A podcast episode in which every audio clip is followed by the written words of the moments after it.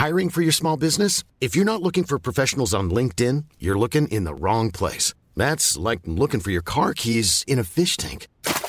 LinkedIn helps you hire professionals you can't find anywhere else, even those who aren't actively searching for a new job but might be open to the perfect role. In a given month, over 70% of LinkedIn users don't even visit other leading job sites. So start looking in the right place. With LinkedIn, you can hire professionals like a professional. Post your free job on linkedin.com slash people today.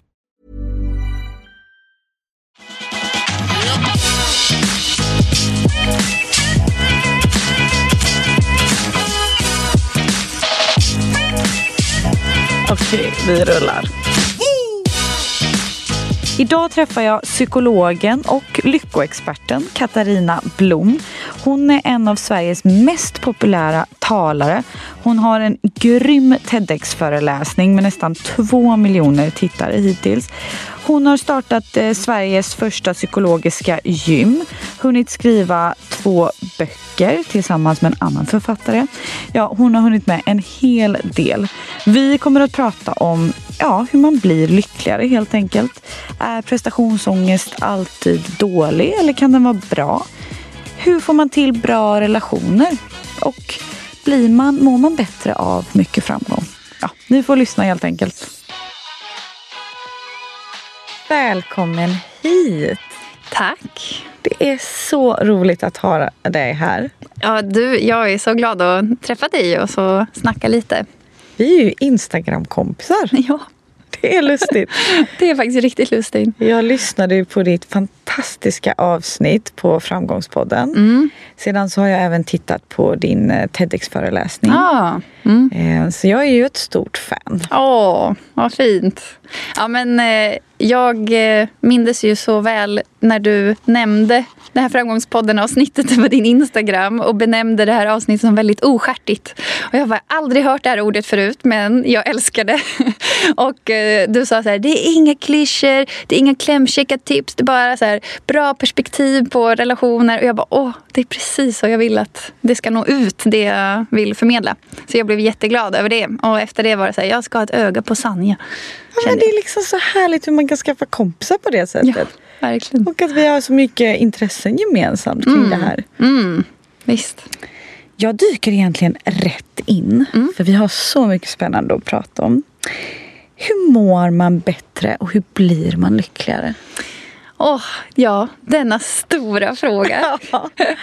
Ehm, ja, jag tycker att det första handlar om att ehm, förstå att vi kan inte kontrollera vårt mående till 100 procent. Så att vi kanske ska börja med att fråga oss hur ser vi på lycka och välbefinnande. Vad förväntar jag mig av mig själv, av min egen hjärna? Hur mycket lycka den ska kunna producera åt mig under en dag. Eh, lycka är ju en kombination av både genetisk eh, ja, genetiska anlag kan man säga. Ehm, och också vad vi har för livsomständigheter. Alltså, har jag tak över huvudet? Har jag en inkomst varje månad? Ehm, har jag en partner? Ehm, lever i ett fredligt land? Sådana saker påverkar. Men sen påverkar ju också våra dagliga vanor och rutiner. Så det är därför det, det går ju inte att säga att ja, du kan bara hitta de där rätta inställningen så är ditt liv kirrat. Då kommer du vara lycklig för resten av livet. Det finns inte riktigt. Men det finns heller inte riktigt den här så du kan bara ge upp. Du kommer alltid må dåligt. så är det ju inte heller. Nej. Utan det, vi befinner oss hela tiden någonstans i gråzonen. Och jag kan uppleva att ibland så pratar vi om lycka eh, på ett sätt som gör att eh, vi får bara mer press på oss att vi ska må bra. Så jag vill gärna bidra till att vi ska se lite mer nyanserat på vårt eget mående. Att eh, eh, Eh, vi kanske inte är byggda bara för att skratta och må bra dagarna i ända utan människan är ju egentligen konstruerad för att överleva. Så evolutionen vill ju att vi ska överleva. Och hur gör man det? Jo, men genom att vara väldigt skicklig på att upptäcka hot och faror, gärna lång tid i förväg innan de inträffar. Vilket innebär att vi idag har eh, ganska ångestfyllda hjärnor ibland och eh, har lätt för att oroa oss. Jag tänker om jag skulle fråga alla som lyssnar på det här nu. Hur många har någon gång legat oroat sig på natten för någonting fast man vet rent intellektuellt att jag, det hjälper inte att jag ligger här och oroar mig. Så fortsätter ju hjärnan att ändå oroa sig. det här är någonting som alla har varit med om. Eh, och det, jag tycker det sätter fingret på hur vår hjärna inte alltid hjälper oss i vår vardag. Att må sådär härligt och bra och känna att vi är i ett tryggt sammanhang och vi känner kontakt med andra människor. Det är inte alltid det som hjärnan liksom prioriterar. Ehm, så det kommer nog alltid vara lite... Så det tillhör det mänskliga förutsättningarna som vi måste förhålla oss till. Eller de vi måste lära oss att leva med. Att vårt mående pendlar, det varierar. Men med det sagt så kan vi ändå påverka hur vi mår. I alla fall till viss del. Mm. Ja, så det är det första. Att bara vara lite mer ödmjuk inför ens eget mående. För när man lever så här i Sverige, vi har en stark individ, eller individualistisk kultur. Att eh, bara du liksom, gör ett val i livet så kommer du kunna skapa det optimala livet. Den optimala karriären, bästa partnern, snyggast utseende. Alltså, allt det där. Ja. Och det kommer någonstans göra dig nöjd. Mm. Och så kanske man lägger jättemycket tid på allt det där. Och märker att nej, jag blev inte nöjd. Mm. Ehm, det finns ju människor som har haft en enorm framgång men som ändå väljer att ta livet av sig. Ehm, och det kan tyckas märkligt utifrån om vi lever i en sån formel att bara man har ett jobb och utseende och, och, partner och allt det där så kommer vi känna oss nöjda och att livet har mening. Men det är ju inte riktigt så enkelt. Eh, så att jag gillar verkligen att problematisera lite kring det här med välbefinnande.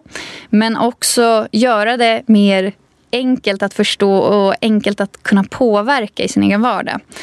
Och i den, om man vill påverka sitt mående så tycker jag om att prata just om konkreta handlingar. Alltså vad är det man har sett i forskning um, har effekt när det kommer till välbefinnandet i form av goda vanor eller eh, aktiviteter eller uh, ja, men situationer som är stärkande för de allra flesta av oss. Mm. Och vad skulle det kunna vara?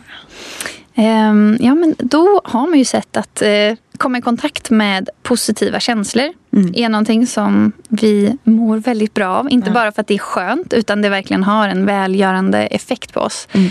Det kan fungera stresssänkande och um, om man uh, har sån här fantastisk förmåga att vara en optimist så tenderar vi att jobba hårdare för att nå våra mål vilket i sin tur kan ge en känsla av att jag kan påverka riktningen på mitt liv. Eh, vilket i sin tur kan göra att vi känner mer mening eh, i tillvaron. Eh, så att eh, positiva emotioner är någonting som eh, absolut är värt att stanna upp vid och verkligen njuta av när de inträffar. Sen försvinner de ju väldigt snabbt också. Mm. Eh, men om man har ett liv som är lite fartigt, eh, där det händer mycket så kan det vara lätt att vi nästan swooshar förbi de där goda stunderna. För att att göra-listan tenderar höras högre i vårt system än att så här, åh vad mysigt det är att sitta här i poddstudion med Sanja ja. till exempel. Så att där kan man redan där börja träna lite på att när jag faktiskt mår bra av bara farten. Att stanna upp och njuta av det. Att aktivt känna efter. Hur känns den här känslan i min kropp? Ehm, att försöka skapa en större kontaktyta med de här goda stunderna. Det kan vara ett sätt. Ja. Um, mm. Så intressant, för man tänker ju, det är lite som du säger, man, man strävar och presterar efter framgång. Alla har ju olika syn såklart på vad framgång är men oftast så är det karriär och, och bra lön och, och, hela den biten. Eh, men kan du se också då att det är väldigt tydligt att man, att man inte mår särskilt mycket bättre? Mm. Ja, det finns ju mycket studier kring det här med till exempel sambandet mellan pengar mm. och eh, lycka. Och eh, det är en del motstridiga röster. Men om jag ska summera det på en väldigt grov nivå så har man sett att ja, pengar har en effekt på vårt välbefinnande. Men bara upp till en viss nivå. Och att eh, en del menar att så länge vi har våra grundläggande behov tillgodosedda så avtar den här effekten mm. av att ännu mer i lön kommer inte göra en större skillnad för om jag köper den här jag inte, märkesväskan eller den där. Liksom, ja, det är en försumbar skillnad. kick känns det som. Exakt, det blir väldigt kortsiktigt. Ja. Att, eh, men eh, sen finns det ju andra som menar att nej, men det beror på vad man väljer att lägga sina pengar på. Alltså att kan man köpa sig fritid? Kan man köpa sig upplevelser? Lägger man pengar på att investera i sina relationer så tycks det som att det är saker som ändå stärker en. Mm. Eh, och ja, ger tillbaka. Men det är nog väldigt lätt att Eh, fastna i just det där kortsiktiga som du nämner. Att eftersom man får en kick, till exempel om man köper någonting, eh, så är det som att hjärnan drar upp ett spår. Att okej, okay, men så jag mår bra när jag köper någonting. Men hjärnan är inte lika bra på att komma ihåg hur länge kändes det bra. Eh, för vi habituerar ju, vi vänjer oss väldigt snabbt vid saker som inte förändras. Mm. Och prylar är ju en sån sak som eh, inte förändras så snabbt. Utan den ser ju ganska liknande ut mm. dag efter dag efter dag. Sen om vi har kanske upplevelser kopplade till de här prylarna så att prylen påminner oss om en specifik händelse eh, så kanske det kan liksom förlänga den här härliga känslan. Mm. Men annars eh, har man ju sett till exempel att ja, upplevelser och relationer är eh, tar längre tid för oss att bara vänja oss vid. Så att, eh, det är någonting som är lättare att få behagliga upplevelser från under mm. en längre tid. Och kanske leder till att man blir lyckligare under en, längre precis, tid. Precis. Så mm. om man tänker sig att det finns olika vägar till att stärka sig själv. En modell som jag ofta pratar om är PERMA. Det är en akronym som består av sex olika eh, sätt hur man kan stärka sitt eget välbefinnande. Där P är det här jag var inne på tidigare, positiva emotioner. Eh, och sen E är ehm, engagemang, alltså att jobba mot eh, ett tydligt mål kanske där man får tydlig feedback och får chans att ge sig hän i någonting. Ehm, uppleva flow är tydligt kopplat till välbefinnande. Eh, och sen har vi R som står för relationer. Vilka relationer i mitt liv fungerar stärkande för mig? Eh, varför? Vad gör vi för någonting tillsammans? Vad pratar vi om? Allt det där är ju viktig information för att förstå vad jag mår bra av. Eh, M står för mening. När upplever jag att jag bidrar till någonting som är kanske större än mig själv. Att jag, att jag kan bidra till en större helhet. Och här tänker jag att i dagens moderna arbetsliv så kan ju faktiskt eh, jobbet bidra med den här meningsfulla dimensionen. Verkligen. Att jag kan, mitt arbete påverka många andra människor. Men det kan också handla om att jag tränar ett korpenlag på fritiden och att det är meningsfullt för mig. Mm. Um, och sen har vi A i PERMA som står för achievement. Så där är den här liksom prestationsdelen. Att vi människor mår ändå bra av att känna att vi är kompetenta. Att vi kan sätta upp ett mål och sen jobba för det och nå det. Det är någonting som ger oss en skön känsla. Och eh, sen har vi ett tyst H i slutet på perma. eh, och det står för den fysiska hälsan. Något som jag vet att du verkligen gillar att liksom, ta hand om. Ja, eh, och det är ju jättetydligt liksom, kopplat. Att vår, om vi har en god fysisk hälsa så hänger det ihop med också en god mental hälsa. Men det jag inte ville komma till var att av de här olika sex vägarna, så om man tänker sig att det finns som eh, i organisationer så pratar man om ROI, alltså return of investment. Eh, och eh, tänker man det kring det här, så hur, var ska jag lägga min, mina ansträngningar för att få tillbaka så mycket som möjligt i form av välbefinnande? Mm. Så skulle jag säga att satsa på R på relationer. För det är ett område som man har sett har starkast koppling av de här sex till välbefinnandet. Gud vad intressant. För att jag personligen älskar relationer och har under livet också, livets gång också kanske sållat lite för man inser tiden räcker inte till. Man vill få, som du säger, return on investment energi tillbaka. Mm. Eh, men men när, när jag också har tänkt efter de stunder jag mår som bäst och kvalitetstid jag aldrig ruckar på hur mycket jobb jag än har så är det att träffa mina kompisar och bara skratta, inte prata om jobbiga grejer alltid utan mm. bara vara. Verkligen. Ehm, så jag, jag, håller helt med. Och du nämner lite kring prestationsångest, att det inte alltid är en dålig sak. Mm. Ehm, för jag tror att vi bollade lite här innan avsnittet att många av gästerna jag har med, eh, som du själv, eh, är högpresterande människor. Ehm, stora karriärer, nått mycket framgång.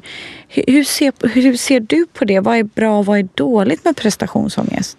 Ja, alltså prestation är ju verkligen lurigt, skulle ja, jag säga. Det är så det är lurigt. Liksom, ja, det är en lurig följeslagare som man har med sig.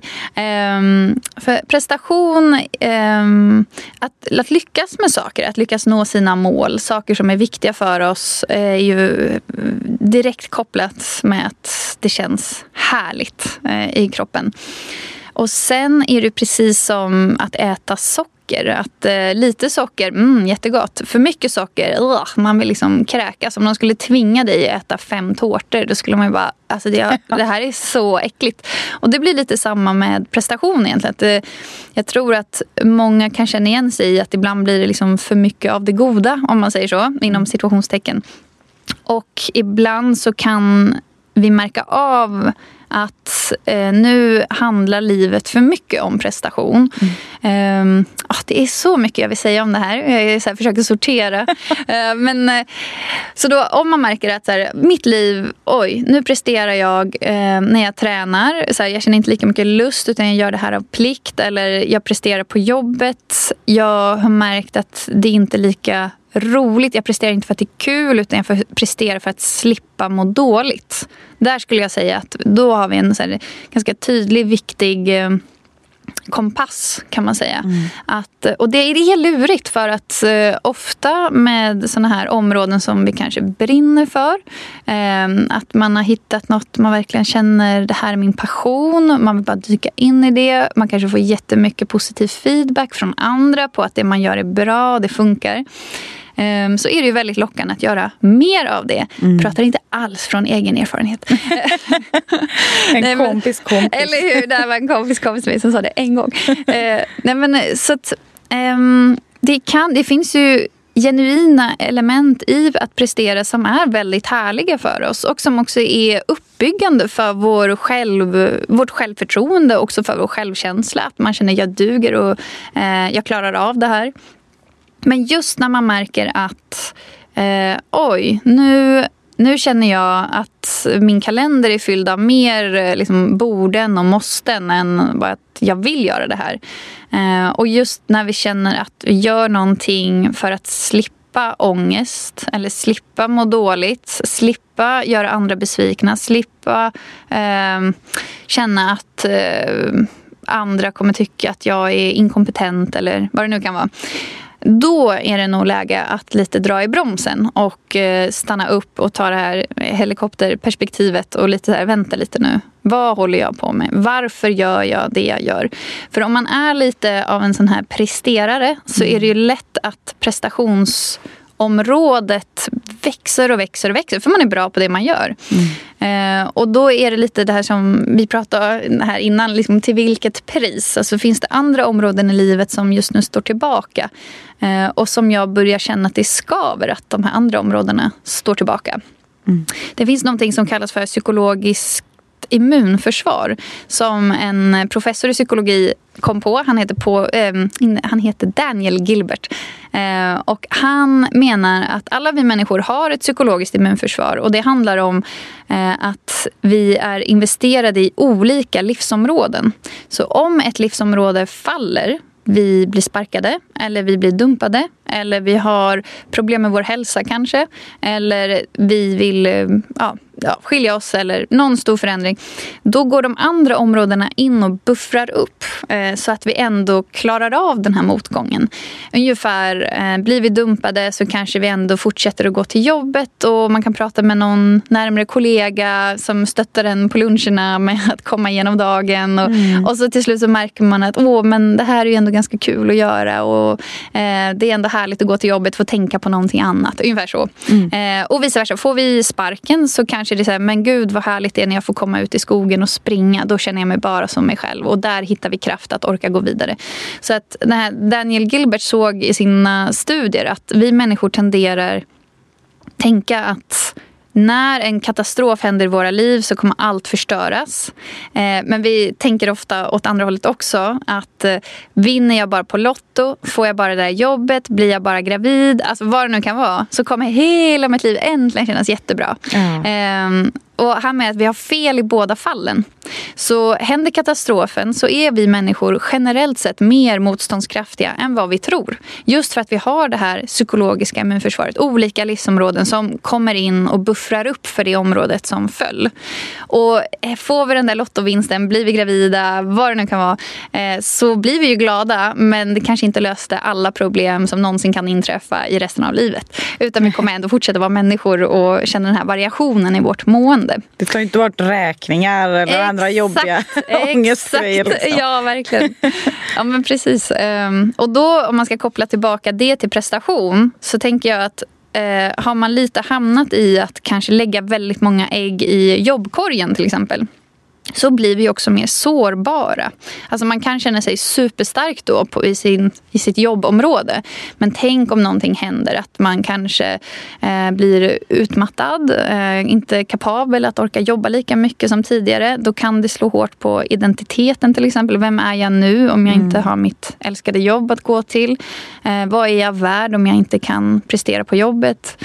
Eh, det kan också göra oss väldigt sårbara för, eh, ja men får vi sparken? Vi har en pandemi. Väldigt mycket förändringar sker runt om i landet och runt om i världen. Um, vad har jag då att falla tillbaka på? Har jag mm. försummat mina vänner? Har jag skippat relationen um, till en eventuell partner? Uh, har jag struntat i min egen hälsa? Så mm. ja, det gör oss mer sårbara. Så det är också ett, en aspekt kring det här med prestation. Ja, och väldigt bra tips till alla där ute för att du och jag gillar båda lifehacks väldigt mycket. Mm. och det är väldigt bra som du säger, investera i alla de här. Lägg inte alla ägg i samma korg. Utan jobba på relationerna parallellt med din hälsa, parallellt med jobbet. Eh, och det är ju den här balansen alla vi människor strävar efter. Ja, som är, är så, så svår. svår. Ja, så svår. Ja, men verkligen, det är verkligen så här, man typ, jag vet att det är bra, men hur? Liksom. Ja. Och jag tänker att varför vi tycker att det är svårt om jag ska vara lite så sträng mm. så tror jag att det handlar om att eh, vi vill ha allt. Och vi ja. vill inte stå tillbaka på något. Och man, det är så sant. Ja, för egentligen så är det ju inte svårt. Alltså, om man är så kapabel att man har typ en kometkarriär då lovar jag att man... Liksom, problemet ligger inte i att man logistiskt ska få ihop saker. Utan det är nog mer känslomässigt. Eh, att vi inte står ut med ångesten att tacka nej. Mm. vi står inte ut med ångesten att välja bort. Exakt, man vill ha... Jag känner igen mig mycket där. Eh, som du säger att man vill liksom eh, prestera på, på träningen till 100 procent. Sedan vill man göra det på jobbet till 100 procent. Sedan med kompisarna, man vill inte säga nej för man vill också vara en god kompis. Absolut. Det går ju inte till slut. Det är som du säger, balansen. Man kan om man vill men man, man behöver inte vara högpresterande i allt. Verkligen. Och jag tänker att um, jag tror det är lätt att också gå i den här fällan att uh, okej, okay, yes, jag maxade träningen. Jag lyckades gå på den här AWn med kompisarna fast jag var väldigt trött egentligen, eller vad det nu kan vara. Uh, och jag har maxat uh, projekten på jobbet den här veckan, vad det nu kan vara.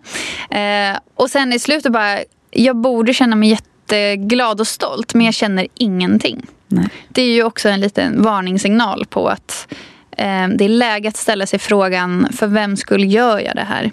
Och att också, jag tänker för min egen del mycket kring kvantitet och kvalitet. Att jag kan ju ha en bild av hur eh, ett fantastiskt liv eller en fantastisk vecka ska vara designad för att jag ska uppleva maximalt välbefinnande. Säger vi. Men jag måste hela tiden revidera den bilden. Att hämta hem den. Okej, okay, men jag gjorde den där veckan och jag gick på de här, de här grejerna. Men allt smakade papper. Mm. Och så här, varför? Jag borde ha varit glad. jag ah. borde ha varit... Ja. Men, känner igen mig. Mm, och jag tror det är så många som känner igen sig mm. i att vi alla då och då hamnar där. Eh, men att våga och orka se det då och inte ljuga för sig själv. Att ja, ja, men det är bara för att jag är trött. Och så här, men nej, så här, din kropp säger någonting här som faktiskt är viktigt. Våra känslor har en ganska tydligt signalvärde. De, som kroppen jävlas inte bara för att den tycker det är kul utan om kroppen mår på ett visst sätt, om den producerar vissa typer av känslor så är det för att den försöker säga någonting som är viktigt. Och om vi inte lyssnar på det så kommer den säga det högre och högre och högre. Tills någonting blir eventuellt jobbigt. Mm. Um, och um, jag tänker verkligen att um, det är mänskligt att vilja göra allt det där. Och det är mänskligt att suga i sig ideal som finns runt omkring oss, på Instagram inte minst. Ja, över Gud, ja. hur man lyckas ändå maxa livet och få barn och karriär och, allt det där. Och verkligen stanna upp och ställa sig själv frågan, men hur känns det här för mig? Hur upplever jag? Hur landar det här i min kropp? När jag går och lägger mig på kvällen, hur känner jag mig? Vad är det jag är stolt över? Um, det kanske inte är de där dagarna där jag lyckades ticka alla boxar på att göra och satte personbästa på träningen och ja. la Utan kanske är de dagarna när det faktiskt var en lite lugnare period men plötsligt så hade allt mer färg. Oh ja, och man hann se färgen. Exakt. Det är det jag ja. känner igen mig för att jag, jag är proffs på att boka upp härliga luncher för det var det bästa jag visste. Mm. En inspirerande lunch i veckan som mm. till slut blev fem. Ja. Eh, som till slut inte alls blev kul mm. för att det blev ett måste. Mm. Jag hann inte med de här liksom, luncherna. Och, eh, som du sa, bara tittade mig själv i spegeln och sa, vem gör jag det här för? Mm. Började bara med att boka av allting till att liksom en lunch i veckan för att komma tillbaka och längta till det där igen. Mm. Eh, och det är bara ett exempel. För som du säger, om man tittar tillbaka i livet. När man mår som allra bäst så är det ju lite de lugnare stunderna. Eller hur? När det, man hann ta hand om sig själv. Ja. Ja, men gud, tänk det där är en lärdom känns som man måste göra gång på gång på gång på gång. Ja. Det är som om och om igen. Och det, det är så viktig reminder för alla. För jag tror att vi alla hamnar i den här fällan lite.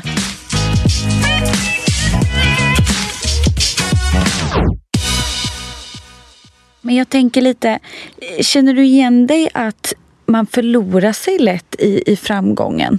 Eh, har, har, du liksom erfarenhet i den här biten att man stannar upp och frågar sig själv okej, okay, nu är jag här, vad ska jag göra härnäst när man har åstadkommit det man vill? Mm.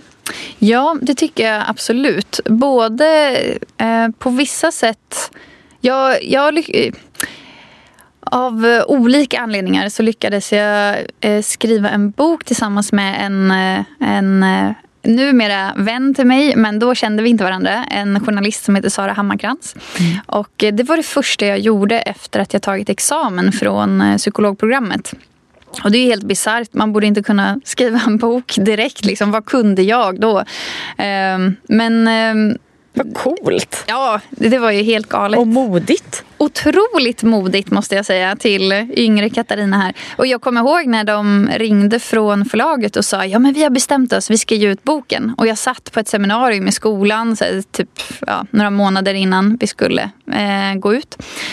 Eller ta examen. Och eh, igen, en så perfekt exempel på hur man kan tänka att man kommer må i sådana här typiska liksom, framgångssituationer men hur jag egentligen mådde. Så det som hände för mig det var att jag fick en panikattack. Alltså av att få det här glada beskedet. För att jag blev så överväldigad av rädsla egentligen. Mm. Så här, kommer jag klara av det här? Vem är jag att skriva den här boken? Jag har inte ens tagit examen än. Så här, vad, har jag, ja, vad har jag satt mig själv i? Um, och um, jag tänker verkligen att, uh, att i, jag vet inte, när man har mycket driv så tenderar man hamna i såna här situationer där man gör saker som man egentligen inte vågar. Mm. Och jag kan känna en enorm tacksamhet till den sidan hos mig själv att jag vågar göra det gång på gång. Men det eh, betyder ju inte att det inte är arbetsamt när man väl är där. Och mm. man får mycket så här växtverk eller träningsverk. Att det, är liksom, eh, det är ju ansträngande, absolut. Men, eh, men sen så, ja, om man tänker då eh, efter att jag hade skrivit den här boken så hade jag en tydlig bild av hur jag skulle må när den här boken kom ut och ja. att allt skulle kännas så bra. Um, men då, apropå det här psykologiska immunförsvaret, då när boken äntligen kom ut så hade jag och min dåvarande pojkvän gjort slut och flyttat isär. Eh, jag var i en väldigt låg period i livet såklart eftersom jag sörjde den här relationen. Och det var så bisarrt att stå på sin egen bokrelease för en bok om välbefinnande och lycka. Och så här, var mitt... ja. Alltså det var så konstig upplevelse. Och det är också något som jag nämner lite kort i det här TED-taket som jag gjorde. Eh, nej men så det är också en bara bra exempel på... Jag kommer ihåg, jag kände så här, jag trodde jag skulle må så annorlunda när jag står här med wow wow, min bok i min hand. Mm. Och ja, och så fanns det ju såklart att livet stannar ju inte upp bara för att man når ett sånt där viktigt mål för en. Utan det är, livet bara öser på. Det fortsätter att ge en massa olika typer av upplevelser som kanske inte alls är behagliga och roliga. Så att eh, dels att så här, framgång gör en ju inte immun mot smärta i livet. Nej. Och sen tänker jag också på, jag träffar en del klienter som är eh, väldigt framgångsrika i det de gör. Eh, och vi pratar mycket om det Hur vet man var gränsen går? Att jag gör någonting för min egen skull eller jag gör någonting för andra. Hur vet man det? Ja. Det är min största fråga i livet nu Ja, men jag tror att bara att man är nyfiken på den och ställer sig den så är man något på spåren. Att man kanske har gjort saker lite för mycket för andra eh, för andras skull. Och det kan ju vara Eh, liksom, inget ont uppsåt bakom det. Och det är inte heller dåligt att göra saker för andras skull. För vi är sociala varelser. Det är liksom naturligt att vi vill få vara med och ja, imponera på föräldrar eller på andra viktiga personer runt alltså, På en chef. Det är, det är så naturligt. Det är inte fel. Det kan i bästa fall vara liksom en positiv drivkraft. Men det är just när det går lite till överdrift och att det känns lite oflexibelt skulle jag säga. Mm. Att man känner jag måste leva på det här sättet. Jag måste göra de här. Jag måste vara ännu mer framgångsrik eller eh, ja, vad det nu kan vara. För att få vara med eller för att få duga, för att duga mina egna ögon. Um, och det där är ju Um, det är ju inte ett, ett svartvitt landskap utan det är ju en, en, en, plats i oss, om man kan uttrycka sig så metaforiskt, eh, som förändras hela tiden. Att, eh, eh, I vissa lägen så kanske vi gör någonting mer för andra men vi blir också stolta över det samtidigt. Och, eh, vi kanske kände att ja, men, eh, jag blir glad över att få eh, visa att jag kunde det här för de här. Men men kanske inte hela livet och kanske inte jämt. Eh, ibland kanske man, ja, eller någonstans kanske man kan komma till en punkt där man känner att alltså nu är jag nog mer intresserad av att göra saker bara för min egen skull. Eh, och jag vill verkligen liksom poängtera att det är inte svartvitt. För Nej. vi är väldigt vi är så sociala varelser och vi blir väldigt påverkade av vårt sociala sammanhang. Eh, så det är inte... Jag vet inte, det är ungefär som det här som jag pratade om i början. Att vi har det här som ett negativt filter som hjälper oss att överleva på savannen i att mm. uppmärksamma hot och faror. På samma sätt så har vi ett annat, eh, liksom, ja, vad ska man kalla det för, ungefär ett socialt filter som gör, det hjälper oss att att få vara med eh, i viktiga sammanhang. Till exempel en arbetsplats eller en vänskapskrets eller i ett samhälle där vi vill ha en viss social status kanske. Det är naturligt, det är mänskligt. Men när man känner sig mer ägd av sitt sociala filter om man kan säga så, än vad jag äger det. Då kanske man behöver stanna upp och ställa sig den där frågan. Eh, för vem skull gör jag det här? Mm. För jag tänker att kan man vara lite flexibel i det där? Att ja, ja, jag gör det här för chefens skull nu. Eller jag gör det här för Sanjas skull. Det är okej, det är inte så viktigt för mig men det är viktigt för henne. Ja, jag gör det för henne. så. Eller jag vill inte verka dålig inför henne. Ja. Då vet man i alla fall om det. Exakt, exakt. Som du säger, man, ja. man lägger lite tanke och eftertanke bakom. Ja, Ja, för då när det är medvetet, mm. ett medvetet val, då är det mycket större chans att vi inte går vilse. Medan när man bara gör något på en impuls och eh, man kanske ändå bara vaknar upp och känner så här, men eh, jag känner mig tom. Jag vet inte varför jag har valt så här som jag har valt. Jag känner inte att jag äger mitt liv. Jag äger inte mig själv. Jag känner mig ägd av andra. Eh, metaforiskt att eh, man har för mycket på sin kalender kanske som andra vill ha av en. Eh, då har man ju tappat lite den här kontakten med sig själv. Mm. och jag tror att igen för att knyta ihop med det vi pratade om i början. Eh, om man kan sortera lite allt jag gör på en vecka eller en dag. Eh, vad av det här gör jag för att slippa ångest eller mm. oro eller liksom för att slippa besvikelse från andra. Och vad av det här gör jag på grund av lust. För att jag tycker det är kul att lära mig någonting nytt. För att jag tycker att det är härliga människor med i det projektet. För att jag känner mig stimulerad. Jag känner att jag växer som människa. Jag kanske har prestationsångest. Men jag känner att det är på det där lite härligt utmanande sättet. Inte den där förlamande prestationsångesten. Mm. Eller där man mår fysiskt dåligt för att man känner sig stark rädsla egentligen inför hur ska det gå. Jag känner mig bara bedömd uh, i den här prestationen. Um, så att om man kan skilja lite där. Jag tänker, om jag ska sammanfatta, jag känner jag bredde ut mig här lite. Men, ja, men det var jättebra att du också tittade över ja. en vecka så. Ja, Hur lite konkret. Det var väldigt, ja. ja jag, var jag började direkt sväva iväg. Gud vad härligt. Ja, men om jag ska sammanfatta det så skulle jag säga att um, att vara snäll mot sig själv genom att förstå att jag är människa. Jag är en social varelse. Det är inte konstigt att vi gör saker ibland för att imponera på andra eller att vi inte vill göra andra besvikna. Det är helt fine. Det är som naturligt. Men gör jag bara det hela veckorna. Eh, att jag aldrig gör någonting för min egen skull utan bara för att få duga inför andra, vara med inför andra. Att jag jobbar hårt för att slippa ångest och oro. Då är det nog verkligen bra att så här, vänta, nu ska jag backa lite här och sortera bland mina åtaganden. Mm. Eh, och det vi, man vill ha in mer är mer flexibilitet. Att ibland gör jag saker för andra, men ibland gör jag saker för mig själv. Och jag vet när jag går åt vilket håll. Och det är ett medvetet val. Det är någon sorts här underbar. Mm. när, alla, när solen strålar och liksom alla stjärnor står rätt, då agerar man så. Eh, men också att bara ha med sig att det är snårigt. Liksom. Ja. Och jag tror att man måste checka in med sig själv under hela livet för att kolla, har jag gått vilse nu? Har jag... Också när man blir applåderad av andra så är det ju lätt att tro att det var kul att få applåder. Men är, gör jag det som jag längtar efter? Ja men verkligen. Och det, det är som du säger att checka in för man kan vara så duktig ett tag. Sedan så jobbar man på man blir så, jag i alla fall blir väldigt taggad när jag tycker någonting är kul. Mm. Som den här podden. Då helt plötsligt inser jag, oj det har gått två veckor på podden. Jag har spelat in åtta avsnitt och, och, och liksom är helt sönderstressad och frågar mig själv varför Sanja? Ja. Men jag tycker ju det är så kul. Mm. Men jag kommer ju förstöra det här roliga om det blir prestationsångest av det. Så det är som du säger, då checkar jag in och bara så här, lugn, lugn, lugn. Sluta, sluta, sluta. Nu bokar vi om några mm. och liksom schemalägger det mm. annorlunda. Mm.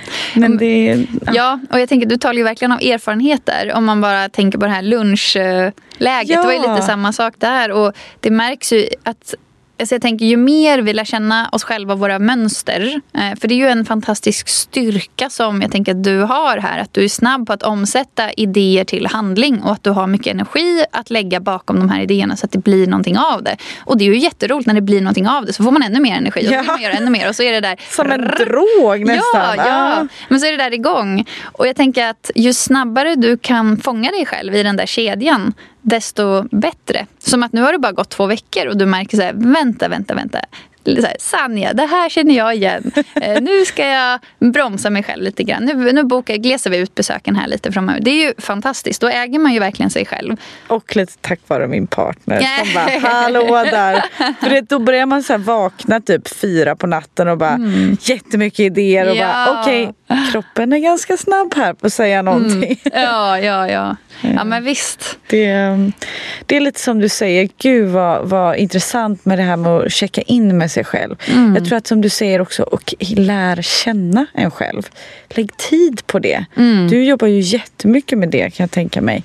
Både med kunder men med dig själv. Ja, Jo men så är det verkligen tycker jag. Eh, att, eh, det är ju så tacksamt när man jobbar som psykolog att man får chans att umgås med det här hela tiden och bli påmind hela tiden. För det är inte enkelt. Nej. Det är många som frågar mig i intervjuer, jaha så du är lycklig du? Så här, liksom, ja. För du har, ja, och man bara nej, jag slutade inte vara du är människa. Mänsklig. Exakt. Oh. Jag är ingen robot liksom. Eh, så att, eh, jag kan verkligen känna att det är det är jättebra påminnelse för vi måste bli påminda gång på gång på gång med den här incheckningen. Och för mitt, i mitt fall så jag har ju lätt att stressa upp mig och jag behöver hitta verktyg för att lugna ner mig. Mm. Och det där är ju också väldigt vanligt tänker jag och väldigt mänskligt att vår kropp är designad för att svara an snabbt på eh, utmaningar eller att ja, här krävs det en aktivering då mm. aktiverar oss. Det behöver vi ofta inte säga, kom igen kroppen, bli lite stressad nu. Mm. Alltså det bara sker. Men däremot att komma ner i varv, det kan många behöva lite hjälp med. Så där tycker jag att det hjälper jättemycket att checka in med en själv och bara hur är min andning? Är jag hungrig? För det är ju sånt eh, kroppsliga signaler som går ner om man är lite uppvarvad. Uh, hur är andningen? Är jag hungrig? Uh, Uh, hur spänd är jag i kroppen? kroppen? Kan jag liksom Aha. sänka axlarna lite grann? Eh, och jag tycker att det finns en bra så här, trestegsprocess om man tänker kring just att checka in sig, med sig själv kring känslor. Eh, för ofta så censurerar vi vad vi känner både inför andra men också inför oss själva. Mm. Och det är just när man censurerar vad man känner inför sig själv som vi riskerar att gå vilse. Och igen det här vi pratade om tidigare, att göra saker mer för andra. För vi kanske inte orkade höra det där skavet som kändes i magen någonstans.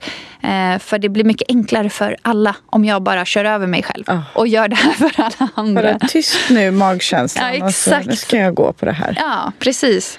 Um, så det är så lätt att det blir ja. så. Ja, och igen, så här, man får vara väldigt förstående och förlåtande mot sig själv för det. För att vi har såna starka sociala drifter att vi vill passa in och duga och vara med. Så det är inte, liksom, vi gör inte fel vi bara följer vår biologi. Men slutresultatet, eller livet, kanske inte blev jätteroligt om vi bara lät biologin styra. Nej. Om man säger lite förenklat. Så därför tycker jag man kan försöka att checka in med sig själv och fråga liksom, vad känner jag just nu? Och bakom varje känsla så finns egentligen ett behov. Att mm. kroppen försöker förmedla någon form av behov. Um, och om vi får fatt i så här, vad behöver jag idag? Eller vad behöver jag just nu? Så kan vi också få fatt i någon form av action. Alltså någon form av agerande. Att, mm. okay, och hur kan jag tillgodose det behovet? Det kanske handlar om att jag behöver be om hjälp från någon annan. Men då vet jag i alla fall att jag känner så här, min kropp mår så här. Det här är mitt behov just nu och hur kan jag tillgodose det? Och lyckas vi träna på den lilla liksom, de frågeställningarna och få upp det lite i frekvens i vardagen, att man checkar in lite med sig själv, så tror jag att lyckas maxa träningen eller familjelivet, vara en perfekt förälder, perfekt medarbetare, bla bla bla, bla kommer lite jag vet inte, sänk, det, jag tror volymen kommer sänkas på det behovet att maxa mm. allting. Och volymen på hur jag faktiskt upplever mitt liv och min vardag kommer att öka. Eh, men det är någonting som man behöver bli påmind om och mm. något man behöver träna på. För att livet där ute och andras röster hörs ofta väldigt högt i vårt eget system. Mm. Ja, det är så, så intressant och så värdefulla insikter. Jag tror att många kommer i alla fall få en tankeställare mm. efter att ha lyssnat. I alla fall bli påminda och checka in och vad som är viktigt. Och sen glömmer man bort det ett tag. Man är mm. mänsklig. får man mm. påminna sig själv igen. Exakt. Men för att, för att avslutningsvis beröra ämnet, för jag tycker ju det är extremt kul med relationer. Eh, och det är ju verkligen någonting som du är så duktig på. Eh, och jag... I teorin. I teorin, inte Jajamän, fråga min man.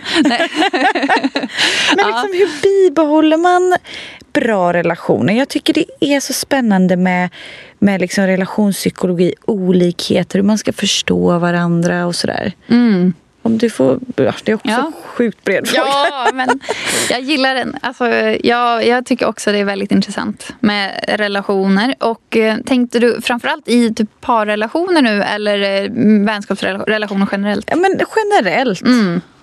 Ja, Nej, men, um, jag tror att um, det är viktigt och komma ihåg att eh, så som jag mår och så som jag känner mig, vad jag är rädd för, vad jag kämpar med, vad jag är stolt över, vad jag längtar efter. Allt det där pågår ju för de allra flesta människor. Att vi är mer lika varandra än vad vi är olika. Också rent neurologiskt. Hjärnorna ser ju mycket, mycket mer lika ut varandra än vad de inte gör.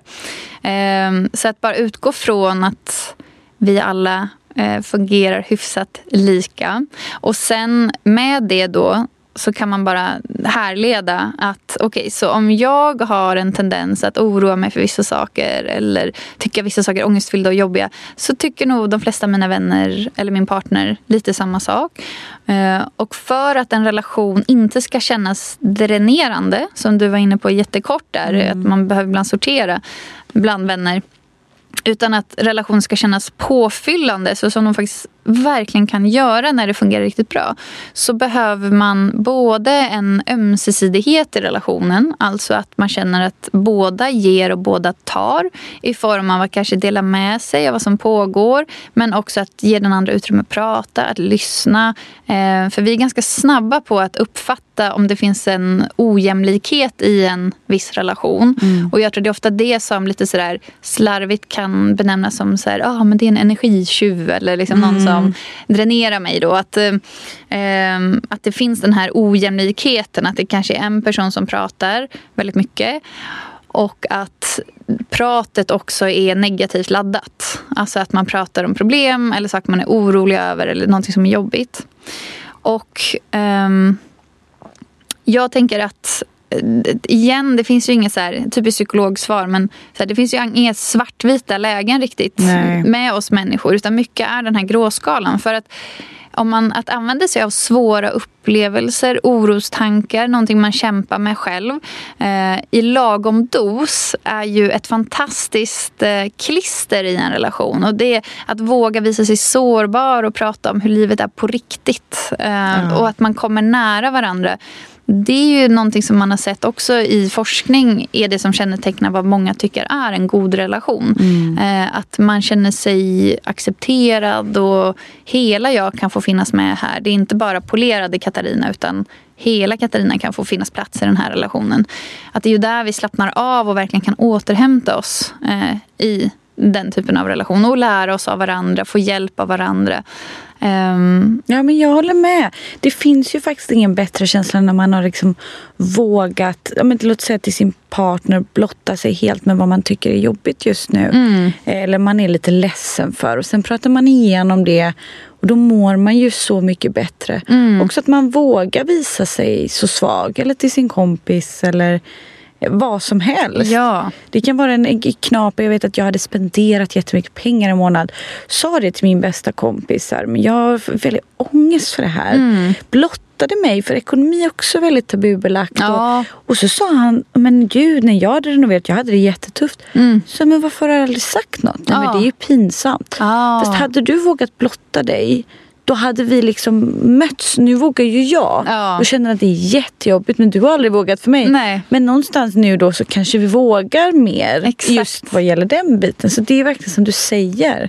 Ja, och det är ju det där, jag tänker att det är ju också att vara lite socialt kompetent. Att man blottar sig gradvis för varandra. Mm. så här, och visar jag det här och så får den andra spegla tillbaka. Okej, okay, men då kan jag visa den här svagheten jag har. Okej, okay, men då vågar jag visa hela den här. Ja, då vågar jag. Sådär. Så att, och det är så man fördjupar relationer. Ja. Att man kanske inte kommer med sin värsta på första dejten eller sådär. då springer man med glatt Ja, men verkligen. Men eh, att man tar det lite så gradvis. Mm. Eh, men så att att eh, visa sig sårbar är ju någonting som verkligen kan fördjupa och, och, stärka en relation. Men om det bara blir, och det här är också jobbigt och det här ja. det där, då kan, och att det är en person som bara pratar, inte ställer några frågor. Det är ju ingen som tycker om den Nej. typen av relationer. Så att det handlar mycket om den här ömsesidigheten och sen så att våga vara lite sårbar, gärna lite så gradvis, pö om pö. Märka hur man tas emot, våga jag blotta ännu mer. Eh, det är ju att vara väldigt så socialt inkännande och lyhörd. Mm. Eh, men sen finns också det andra spektrat att också prioritera och skapa goda stunder tillsammans. Att uppleva starka, härliga, eh, ja, men, eh, påfyllande, positiva stunder tillsammans är också väldigt stärkande för relationen. Och inte minst parrelation, tänker jag här. Så att man ja. inte bara hamnar i vardagsträsket. Eh, utan att man... Det är viktigt. Jag, ja. jag och min kille försöker ha en date night varje vecka. Man behöver mm. inte gå ut och äta flådiga middagar. Mm. Alltså bara när man sitter ner och har vi tid och pratar. Ja, alltså, och det gör så mycket med en relation. Ja, verkligen. Och jag tänker också, ja men i parrelationer så kan man ju uttrycka närhet på så många sätt. Att, mm. Eh, alltså bara att ha längre ögonkontakt. Ja, det tar gud. inte mycket tid men det kan ha väldigt stor effekt på oss. Eller att någon liksom, eh, ja, pillar med ens hår eller att man liksom visar en ömhet i ja. vardagen på de här små gesterna. Det kan också göra väldigt mycket. Så nu ler jag lite för att jag är ju jättenördig med sånt. Aha. För att jag är ju väldigt så, för mig är ju väldigt beröring väldigt mycket. Mm. Min, min pojkvän då är handling. Ja. Så att vi visar kärlek på väldigt olika sätt. Ja, jag förstår. Och jag har ju nördat ner mig i det här och liksom ja. vi får jobbat lite på det här och bara säga men jag behöver det här. Mm. Eh, och det är som du säger, när man vet de här små lifehacksen om varandra. Den här morgonpussen mm. eller klappen på alltså, ja. kramen. Om ja. jag blir lycklig av det, det är inte svårt för någon annan människa att göra det. Eller för min del, om jag säger att jag ska ta soporna, mm. ta soporna. Ja, exakt, Den exakt. andra personen blir nog väldigt besviken. Eh, så det är som du säger, de här små grejerna grejerna är också så viktiga. Ja, för att jag skulle nog säga att igen, och det här kanske blir lite mer fokus på parrelationer, men egentligen alla relationer. Men när vi är lite stressade och lite uppslukade kanske av en spännande karriär, tänker jag. Eh, så är det lätt att sådana där små ömhetsbeteenden och relationella beteenden hamnar i periferin de har liksom lite lägre status i hjärnan för jag ska bara fram här och jag ska nå mina mål och jag ska mm. inte göra någon annan besviken ungefär. Ehm, så att igen, bra att lite så för att hämta hem sig själv och kolla lite på livsområdena. Vad, hur prioriterar jag? Om ett område faller, liksom, Mm. Hur står andra människor där och tar emot mig? Vem vill jag vara som person när jag ser tillbaka på mitt liv? Vad vill jag att andra ska komma ihåg om mig? Vem jag Alltså vilka värderingar har jag stått Exakt. för? Eh, Inte och hur, bara jobba, jobba. Exakt. Och hur kan jag omsätta de värderingarna i de här små handlingarna i vardagen? Mm. För det är ju ingen som liksom kan renovera en vänskap på en natt. Utan det är ju ofta de här små stunderna som bygger upp oss. Att vi känner oss mötta, förstådda, inåtlutade. Alltså, jag tänker ibland att... Eh, jag tror det är det här att jag gillar väldigt mycket det här med kvalitet och kvantitet just nu. Att eh, det är till exempel om man har en middag eller frukost tillsammans eh, är det också bara någonting jag gör för att jag ska göra det? Eller kan vi precis som ni håller på att liksom ta reda på vad är det jag behöver i den här relationen. Mm. Eh, till exempel i mitt fall så kan det handla om att jag vill verkligen känna att jag blir förstådd. Eller om jag delar någonting härligt så vill jag känna att min partner är med mig i den här upplevelsen och verkligen förstår vad jag, jag upplevde. Att jag vill att han ska ställa frågor. Och, eh, och det är ju, då, kan man, då kan man förmedla det. Och jag tänker att ett grundläggande behov för alla oss människor är ju egentligen att bli sedda. Ja. Eh, så att... Eh, så det menar är, hur, vad har vi för mikrobeteenden mot varandra på den där dejten? Mm. Eller när vi tar ett glas vin med en kompis. Eh, kan, jag, kan jag vara ännu mer, jag vet inte, eh, ja, men ha ännu mer ögonkontakt eller inlyssnande eller ställa en till fördjupande fråga. Kan jag vara lite mer så nära mig själv men också nära den andra personen så tror jag att man kommer uppleva ännu mer kvalitet och ännu mer att man känner att den här stunden var verkligen stärkande. Mm. Och det där är lite som att öva på ett instrument ungefär. Så man får träna på vad är det jag behöver? Vad känner jag för att dela? För att komma tillbaka till de här frågorna igen. Ja. ja. Nej, det är så intressant. Och ju mer man lär känna om sig själv, desto mer också kommer man förstå andra. Som du säger, och komma ihåg det här. Och för allt handlar ju i grund och botten om att alla vill se, känna sig sedda. Mm. Få den här extra frågan, ögonkontakten, eh, liksom uppmärksamheten. Exakt. Eh, det är någonstans i grund och botten allas behov. Ja. Sen vi olika sätt som är lite viktigare och andra mm. mindre. Men men eh, nu har vi pratat, det är helt sjukt, det har gått så fort. Ja. Hur hittar man till dig om man är så, för det kommer ju många vara nu, eh, ännu fler. Eh, hur hittar man till dig? Om man vill bli min Instagramkompis som Sanja. Nej, men, eh, jag pratar jättegärna med alla möjliga eh, människor runt om i världen och det gör jag oftast på Instagram. Eh, så där kan man skriva till mig. Jag heter Katarina Blom eh, eller följa mig, kommentera någonting. Jag brukar vara bra på att svara. Så det är nog en bra. Och sen finns min hemsida också, katarinablom.com. Och Katarina med K. Det kommer ja. de säga. Ja. Tack snälla för ett så bra samtal. Ja, men tack du. Så roligt. Det var så roligt. Ja, utforska det här. Ja, tack. Tack. Tack för att ni lyssnar på podden. Jag skulle även vilja tacka min producent Kristoffer Örtegren för ett fantastiskt arbete. Om ni tycker om podden så får ni jättegärna gå in och prenumerera. Och skriv gärna en liten review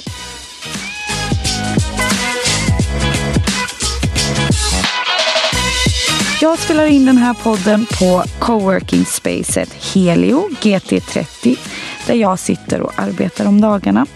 Det finns på flera ställen i stan så letar du efter en härlig kontorsplats så kika gärna in på helio.se för att se vart de finns runt om i stan.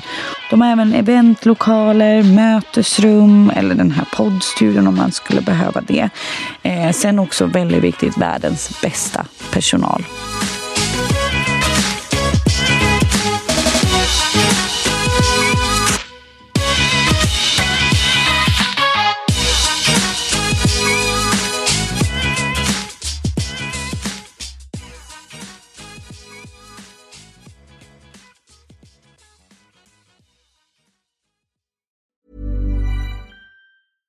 Hey, it's Paige DeSorbo from Giggly Squad. High quality fashion without the price tag. Say hello to Quince. I'm snagging high-end essentials like cozy cashmere sweaters, sleek leather jackets, fine jewelry, and so much more. With Quince being 50 to 80% less than similar brands. And they partner with factories that prioritize safe, ethical, and responsible manufacturing. I love that. Luxury quality within reach. Go to quince.com slash style to get free shipping and 365 day returns on your next order. Quince.com slash style. Even when we're on a budget, we still deserve nice things. Quince is a place to scoop up stunning high end goods for 50 to 80% less than similar brands. They have buttery soft cashmere sweaters starting at $50, luxurious Italian leather bags, and so much more. Plus, Quince only works with factories that use safe, ethical, and responsible manufacturing. Get the high-end goods you'll love without the high price tag with Quince. Go to quince.com/style for free shipping and 365-day returns.